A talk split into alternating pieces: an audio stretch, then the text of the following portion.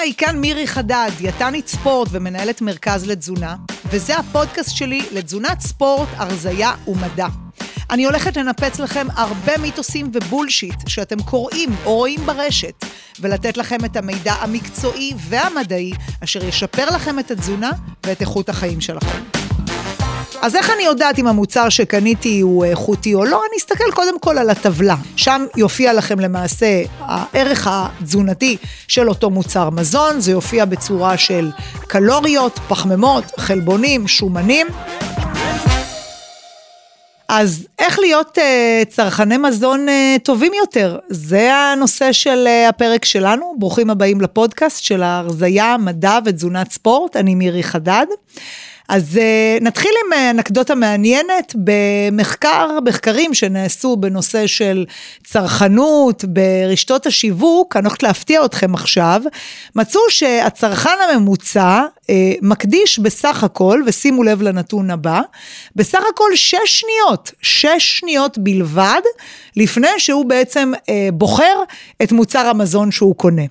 אז עכשיו תשאלו את עצמכם, תדמיינו את, uh, אתכם בסופר עם העגלה, העגלה כבר חצי מלאה, ואתם ככה בפינישים אחרונים.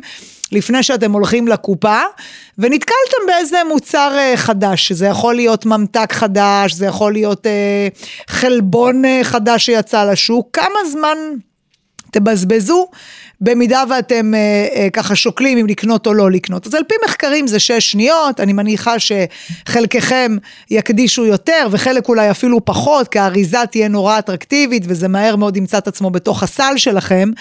אבל שורה תחתונה, אנחנו כנראה מאוד אוהבים את הסופר, אה, הסופר מאוד אוהב אותנו, הוא מציע לנו המון המון מוצרים. חלק מהמוצרים הם מוצרים טובים, וחלק מהמוצרים כנראה שלא, ואנחנו לא באמת זקוקים להם. שימו לב איך אה, בנוי הסופר, נכון? אז יש לנו את, ה, אה, את ההיקף שלו, ששם נמצאים כל מוצרי הבסיס הטובים, מוצרי החלב, בשרים, דגים, דגנים. פירות וירקות, ובאמצע זה בעצם מה שנקרא חנות הממתקים האולטימטיבית. שם נמצא את כל המזון האולטרה מעובד, דברי המתיקה והממתקים. אז היום אני רוצה באמת בפודקאסט לתת לכם אה, טיפים טובים על איך להיות צרכני מזון אה, חכמים יותר, ביקורתיים יותר. שורה תחתונה, הכל מתחיל ונגמר בסופר. אני חושבת שאם נדע לקנות חכם יותר, בסופו של דבר תוכנית האכילה שלנו תראה טוב יותר, נוכל להגיע ליעדים האישיים שאנחנו מציבים לעצמנו, והכי חשוב, נוכל לחיות בבריאות טובה ואיתנה, כי יש הרי קשר הדוק בין מה שאנחנו אוכלים. לתחלואה שלנו ולתמותה שלנו לאורך החיים. אז אה, מעבר לשניות שאנחנו מקדישים אה, ברכישה, אה, מחקרים מראים זה שצרכן למעשה מחליט לקחת איזשהו מוצר ולהוסיף אותו לעגלה, הוא מונע למעשה משני אה, טעמים או שתי סיבות. הסיבה הראשונה נקראת FTP, זה ה-Future Time Perspective. Future Time Perspective, או בקיצור FTP, זה למעשה האינטרס העתידי שלי לקנייה של אותו מוצר. למשל, דוגמה קלאסית, ממש מעגלת אה, הקניות הפרטית שלי, אם אני למשל יודעת שאני רוצה בבקרים הקרובים אה, לאכול מנות עשירות יותר בחלבון, ואני צריכה שהמנה הזאת תהיה פונקציונלית, טעימה, פרקטית, לא מסורבלת לי מדי, הזמן שמוקדש אצלי לארוחת בוקר הוא לא אה, מאוד מאוד אה, ארוך, ואני בטוחה שחלקכם תזדהו.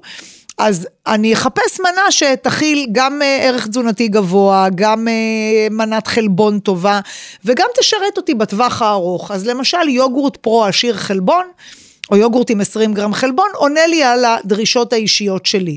ולכן בסל הקניות שלי, ב-FTP שלי, יוגורט עשיר חלבון נכנס פנימה. או אם אני מתכננת בסוף השבוע אה, להכין איזשהו מרק קטניות, אז ב-FTP שלי, ייכנסו לסל קטניות מסוגים שונים, עדשים, אפונה, חומוס וכדומה. זאת אומרת, יש כאן איזושהי השקעה עתידית אסטרטגית לתוכנית האכילה שלי וכמובן של בני המשפחה שלי. זה ה-FTP.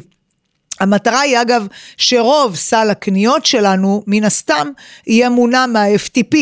מה, מההשקעה העתידית. ככל שננהל את ההשקעה שלנו טוב יותר וחכם יותר, אז ככה כמובן נאכל טוב יותר ובריא יותר. יש לנו כמובן את ה-PTP, שזה ה-present time perspective, זאת אומרת, אני כרגע נמצאת בסופר, והריח של הבורקסים משגע אותי, ואני אומרת שם למוכר, תקשיב, תארוז לי איזה שני בורקסים בשקית, ואני מתכננת לאכול אותם ממש עכשיו. לא ניכנס אם אכלתי, לא אכלתי, הבורקסים האלה אה, טובים לי, לא טובים לי, זו כבר שאלה אחרת. אני אגב לא בהכרח אומרת לכם ישר לא. ייתכן מאוד שהבורקסים האלה הם לגמרי במקום, אבל כאן האינטרס קנייה שלי הוא לגמרי לכאן ולעכשיו. זה משרת אותי לשנייה הזאת או לשעות הקרובות, זה לא משרת אותי קדימה. אז יש לנו את ה-FTP ויש לנו את ה-PTP, המטרה שלנו זה שמרבית, מרבית מוצרי העגלה שלי יהיו מונעים מה-FTP, מהפיוטר, לא מהפרזנט. כאילו בפרזנט אתם יכולים מדי פעם אולי לקנות משהו, אבל המטרה היא להגיע בגדול בגדול לסופר. שאתם מאוזנים מבחינת רעב ושובע, ואתם לא בעצם מחפשים עכשיו לאכול את הארוחה הבאה שלכם תוך כדי הקניות בסופר, כי במרבית המקרים הבחירה אה, תכיל מזון עתיר שומן, סוכר, דל חלבון, וזה כמובן פחות אידיאלי. איך אנחנו בעצם קונים בסופר? מה מניע אותנו מלקנות? אז אה, יהיו כאלה שיגידו, אני מכין רשימה מדוקדקת, מסודרת, אני יודע מה הבית שלי צריך, אני יודע מה אני מכין בסוף שבוע לאכול, הכל נורא מתוקתק ומסודר, ובאמת לא נכנסים מוצרי אקס, אקסטרה אה, לסל, ואגב, זה יכול להיות אונליין, כאילו דרך האתר היום, שזה מאוד פופולרי, וזה גם יכול להיות אופליין, זה יכול להיות כאילו כשאנחנו בסופר עצמו מסתובבים עם העגלה. אה, אז קודם כל מעולה, כאילו תמיד תמיד תמיד טוב להכין רשימת uh, קניות, כי אז uh, זה גם יעיל ברמת האוכל, וגם יעיל ברמה הכלכלית, כי אם אני נצמדת שוב לאסטרטגיה ולרשימה מסודרת, אז אני קונה רק את מה שאני צריכה. uh, ולא מעבר, כי המעבר הזה אגב יכול להסתכם במאות שקלים כל חודש, וזה כמובן מאוד מאוד משמעותי. אז רשימת אה, קניות זה בהחלט מסודר. בואו נדבר רגע על האיכות של הקלוריות, כי כשאנחנו נכנסים לסופר, זאת אה, חנות ממתקים מאוד מאוד גדולה, ועכשיו המטרה היא לבחור, כן? כאילו לבחור את המוצרים שהכי טובים לי. אז כולכם בטח אה, יודעים, אם אתם שומעים את הפודקאסט הזה, כל נושא הבריאות בטוח מעניין אתכם, וברור לכולנו שפירות, ירקות, גנים מלאים, חלבונים, זה דברים שהם טובים. אבל יש הרבה in betweens, נכון? יש הרבה מוצרים שהם מה שנקרא בשטח אפור. אני לא יודעת אם כדאי לי לאכול את זה, לא כדאי לי לאכול את זה, זה משרת אותי, לא משרת אותי, אז אני רוצה פה ככה לתת לכם כמה טיפים. נתחיל קודם כל עם uh, מהלך שמשרד הבריאות עשה עוד uh, בשנת uh, 2000, כששר הבריאות דאז היה ליצמן, והמהלך, זה המהלך שמטרתו הייתה להנגיש לנו קהל הצרכנים, אמצעי לביקורתיות טובה יותר של אה, מוצרי אה, מזון ובחירה מושכלת יותר של מוצרי המזון. וכשאני מדברת על המהלך אני מתייחסת כמובן למהלך של המדבקות האדומות שברור לי שכולכם אה, ראיתם ואולי אפילו חלקכם עדיין פועלים על פי המדבקות המצוינות. מה המהלך הזה בעצם אומר? על פי ועדת מומחים נקבעו שלושה רכיבים שהם אה, נתרן, שומן רווי וסוכר, סוכר מעובד, סוכר שמוסיפים למוצרי המזון, זה לא סוכר שנמצא בצורה טבעית, כלומר זה לא לקטוז ביוגורט וזה לא פרוקטוז שנמצא בתפוח, זה סוכר שתעשיית המזון מוסיפה. ונקבעו ערכי סף. ערכי הסף בעצם אומרים שאם מנת המזון שאני אה, רוכשת תכיל מעל 4 גרם סוכר ב-100 גרם, או מעל 500 מיליגרם נתרן, או מעל 10 גרם של שומן רווי, אזי אותו מוצר אה, מזון יקבל מדבקה אדומה. ואז בעצם המטרה פה במדבקה האדומה זה להגיד, תקשיב, רמזור אדום, המוצר הזה שאתה קונה הוא עתיר במלח, עתיר בשומן, עתיר בסוכר, תחשוב פעמיים אם אתה רוצה אה, לקנות אותו. האם המהלך הזה אפקטיבי? האם המהלך הזה גורם לכם הצרכנים לקנות פחות מדבקות אדומות? אז ייתכן ובעתיד יהיו לי כאן אה, תוצאות מהימנות של אה, סקרים שבוצעו בנושא על ידי משרד הבריאות. כרגע אין לי מידע ולידי למסור לכם. אני מקווה שכן, אני מקווה שכן. כדיאטנית אני חייבת להגיד לכם שאני מסופקת, אני לא בטוחה ש... אה, אדומה שכזאת תניע אנשים מלהוריד אה, את כמות המוצרים עם המדבקות האדומות, אבל אין ספק שכוונת המהלך הייתה כוונה אה, טובה. אני חושבת שבסופו של דבר במוצרים מובהקים, קחו למשל ביסלי, דוגמה הכי קלאסית. אני חושבת שכולנו יודעים שביסלי ככל הנראה יקבל מדבקה אדומה, כי כמות הנתרן והשומן בו היא גבוהה מאוד, כן? ו... עם זאת, אני חושבת שעדיין כולנו ככל הנראה נקנה ביסלי, יש כאלה שיקנו יותר ויש כאלה שיקנו פחות כמובן, אבל בסופו של דבר אמ, ביסלי אה, לא משרת אותי לערך תזונתי גבוה, ביסלי זה חטיף שמשרת אותי להנאה גרידה ולא מעבר לכך. בעניין הזה של המדבקות, אני חייבת פה ככה לתת אה, ציון לשבח ולספר לכם על אה, מחקר מעניין שהגיע מסין דווקא, וכאן בעצם הם לקחו מדגם של 570 אה, משתתפים באיזשהו סקר. והם הציגו להם אה, הרבה מוצרי אונליין, כאשר אה, הם בחרו להציג להם מה שנקרא מוצרים בריאים, לעומת לא, מוצרים שהם אינם בריאים, למשל טפו צ'יפס, שהיווה דוגמה למוצרים לא בריאים, לעומת אגוזי מלך, שכמובן היוו דוגמה למוצרים בריאים, ואז הם החליטו שהם מנגישים את המידע אודות המוצרים בשני אופנים. צורה אחת זה פשוט לכתוב את כמות הקלוריות שיש בכל מוצר, למשל 100 גרם אגוזי מלך כ-600 קלוריות, סתם דוגמה. וצורה שנייה, שימו לב, וזה פה אגב מאוד מעניין, אה, לכתוב בעצם על גבי המוצר כמה זמן נדרש לכם ללכת או לרוץ כדי לשרוף את כמות הקלוריות שאתם כרגע הולכים לאכול במוצר. זאת אומרת שאם אני כרגע בוחרת לאכול שקית טפו צ'יפס, טפו צ'יפס, שמכילה 400 uh, אה, קלוריות, יכול להיות שאני ככל הנראה אצטרך לרוץ איזה 6-7 קילומטרים, תלוי במשקלי, uh, כדי uh, להחזיר את אותה השקעה אנרגטית שאכלתי. ואותו בעצם מחקר היה שהראה שהמסרים של כמות הקלוריות הנדרשת בהליכה או ריצה כדי לשרוף את אותו אה, מוצר, את אותו ערך קלורי של מוצר, המיצג הזה היה בהחלט בהחלט הרבה יותר אפקטיבי מכמות הקלוריות, וזה למעשה גרם לאנשים להגיד וואלה, אם אני עכשיו צריך לרוץ שמונה קילומטרים כדי להוריד את כמות הקלוריות באגוזי מלך, אז אני כנראה מעדיף שלא לאכול עכשיו שקית של אגוזי מלך. אה, אנקדוטה מאוד מאוד מעניינת, מסר פה אולי לקברניטים שיושבים אה, במשרד הבריאות, שווה לבדוק גם אפשרות להוסיף למגוון של מוצרי מזון, אה, גם שווי אקוויוולנטי לפעילות אירובית פופולרית כמו הליכה, כמו ריצה, אני חושבת שהמסר הזה הוא מסר באמת מאוד חזק. ובהחלט מאוד יכול לחדד ולדייק לנו את הערך הקלורי הגבוה של המון המון מוצרים. אז דרך אחת להיות uh, מה שנקרא יותר ביקורתיים, זה להגיד, אוקיי, אני כרגע לא שומעת את הפודקאסטים של מירי, לא מתעניינת בתזונה, אני סומכת לחלוטין על משרד הבריאות, יש מדבקה אדומה, אה, לא קונה, אין מדבקה אדומה, אני קונה. זאת אפשרות אחת. אפשרות שנייה זה כן לקבל קצת יותר מידע, וכן לעשות בחירה, מה שנקרא, קצת יותר מושכלת, שנכונה לכם, נכונה למשפחה שלכם, לבית שלכם, כי בסופו של דבר אין שחור או לבן, זה לא אומר שאם כרגע הכנסתי הביתה מדבקה אדומה, אז בהכרח אה, תוכנית האכילה שלי היא לא טובה. אה, ראשית נגיד שעל פי החוק במדינת ישראל, כל מוצר מזון חייב בפירוט רכיבי המזון שבו.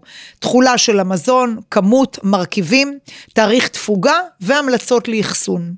עכשיו, כשאנחנו מסתכלים על מוצר מזון, אנחנו בעצם בודקים את האיכות שלו דרך מספר פרמטרים. פרמטר ראשון, הערך התזונתי.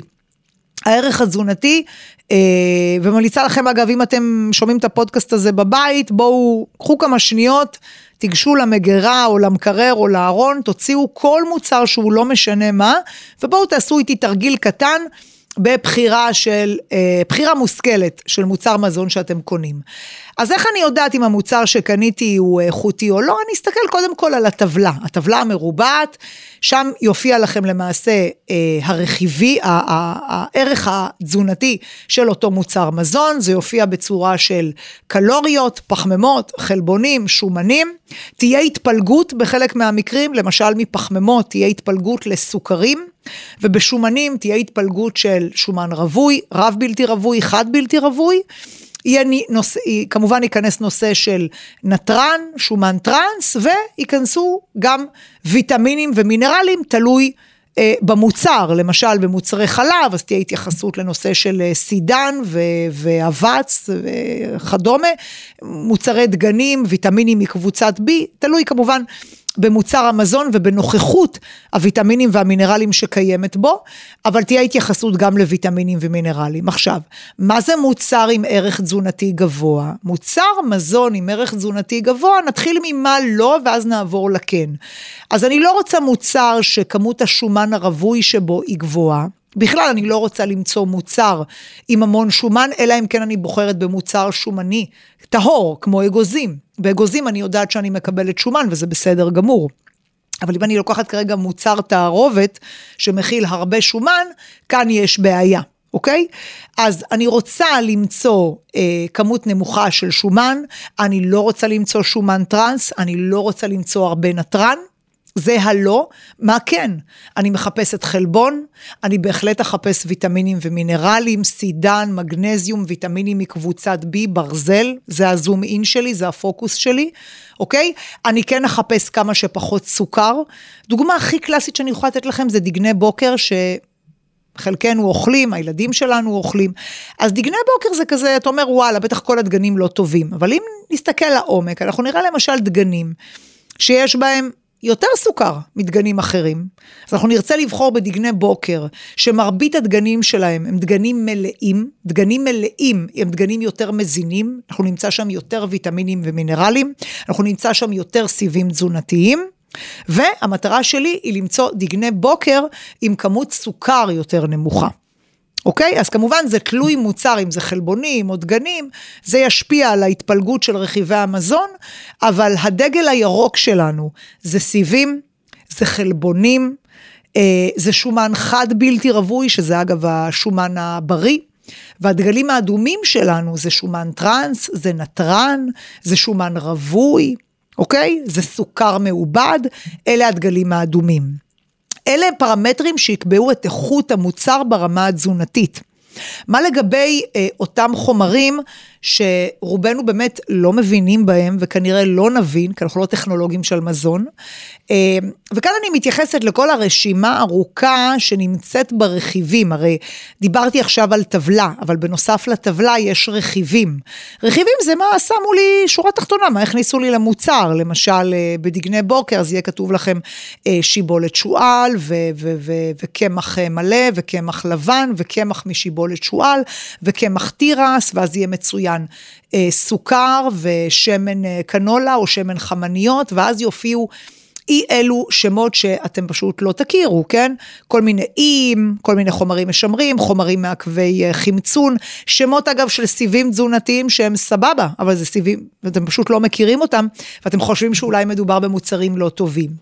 אז כאן לצערי אין לי דרך, בטח לא בפודקאסט הזה, לעבור איתכם אה, רכיב רכיב, כי הרשימה מאוד ארוכה.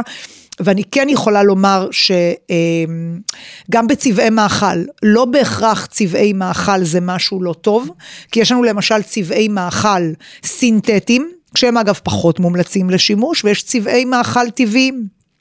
למשל, דוגמה קלאסית, E100, E100 זה קורקום. אין לנו בעיה עם קורקום, קורקום הוא תבלין שמכיל את הקורקומין, נוגד חמצון מאוד מאוד חזק ובריא, אז לא בהכרח כל רשימת הרכיבים או השמות הלא מוכרים, זה לא בהכרח אומר שהכל רע. החיסרון היחיד שלנו בעניין הזה, זה שאנחנו פשוט, אנחנו לא יודעים בעל פה את כל האיים ואת כל החומרים המשמרים, כי אנחנו לא טכנולוגים של מזון. אז איזה בכל זאת מסר אני יכולה לתת לכם כאן, או איזה טיפ אני יכולה לתת לכם כדי שיעזור? כמה שפחות אה, רשימה של אה, רכיבים שאתם לא מכירים, או ככל שהרשימה היא ארוכה יותר, ככה זה אומר שמוצר המזון שלכם מעובד יותר, ואולי עדיף לצמצם את הצריכה שלו. ככל שרשימת הרכיבים היא יותר קצרה ואתם בעצם יותר מזהים שם את הרכיבים, למשל קמח חיטה, שמן קנולה, אה, אה, סויה, גלוטן, שזה חלבון החיטה, אה, אלה רכיבים שכולנו מכירים, אגב, ומשתמשים גם בבית, וזה בסדר. אבל אם יש לי יותר מדי רכיבים שאני לא מזהה, יכול להיות שאת המוצר המזון הזה אני צריכה או להפחית את הצריכה שלו, או למשל לא להשתמש בו.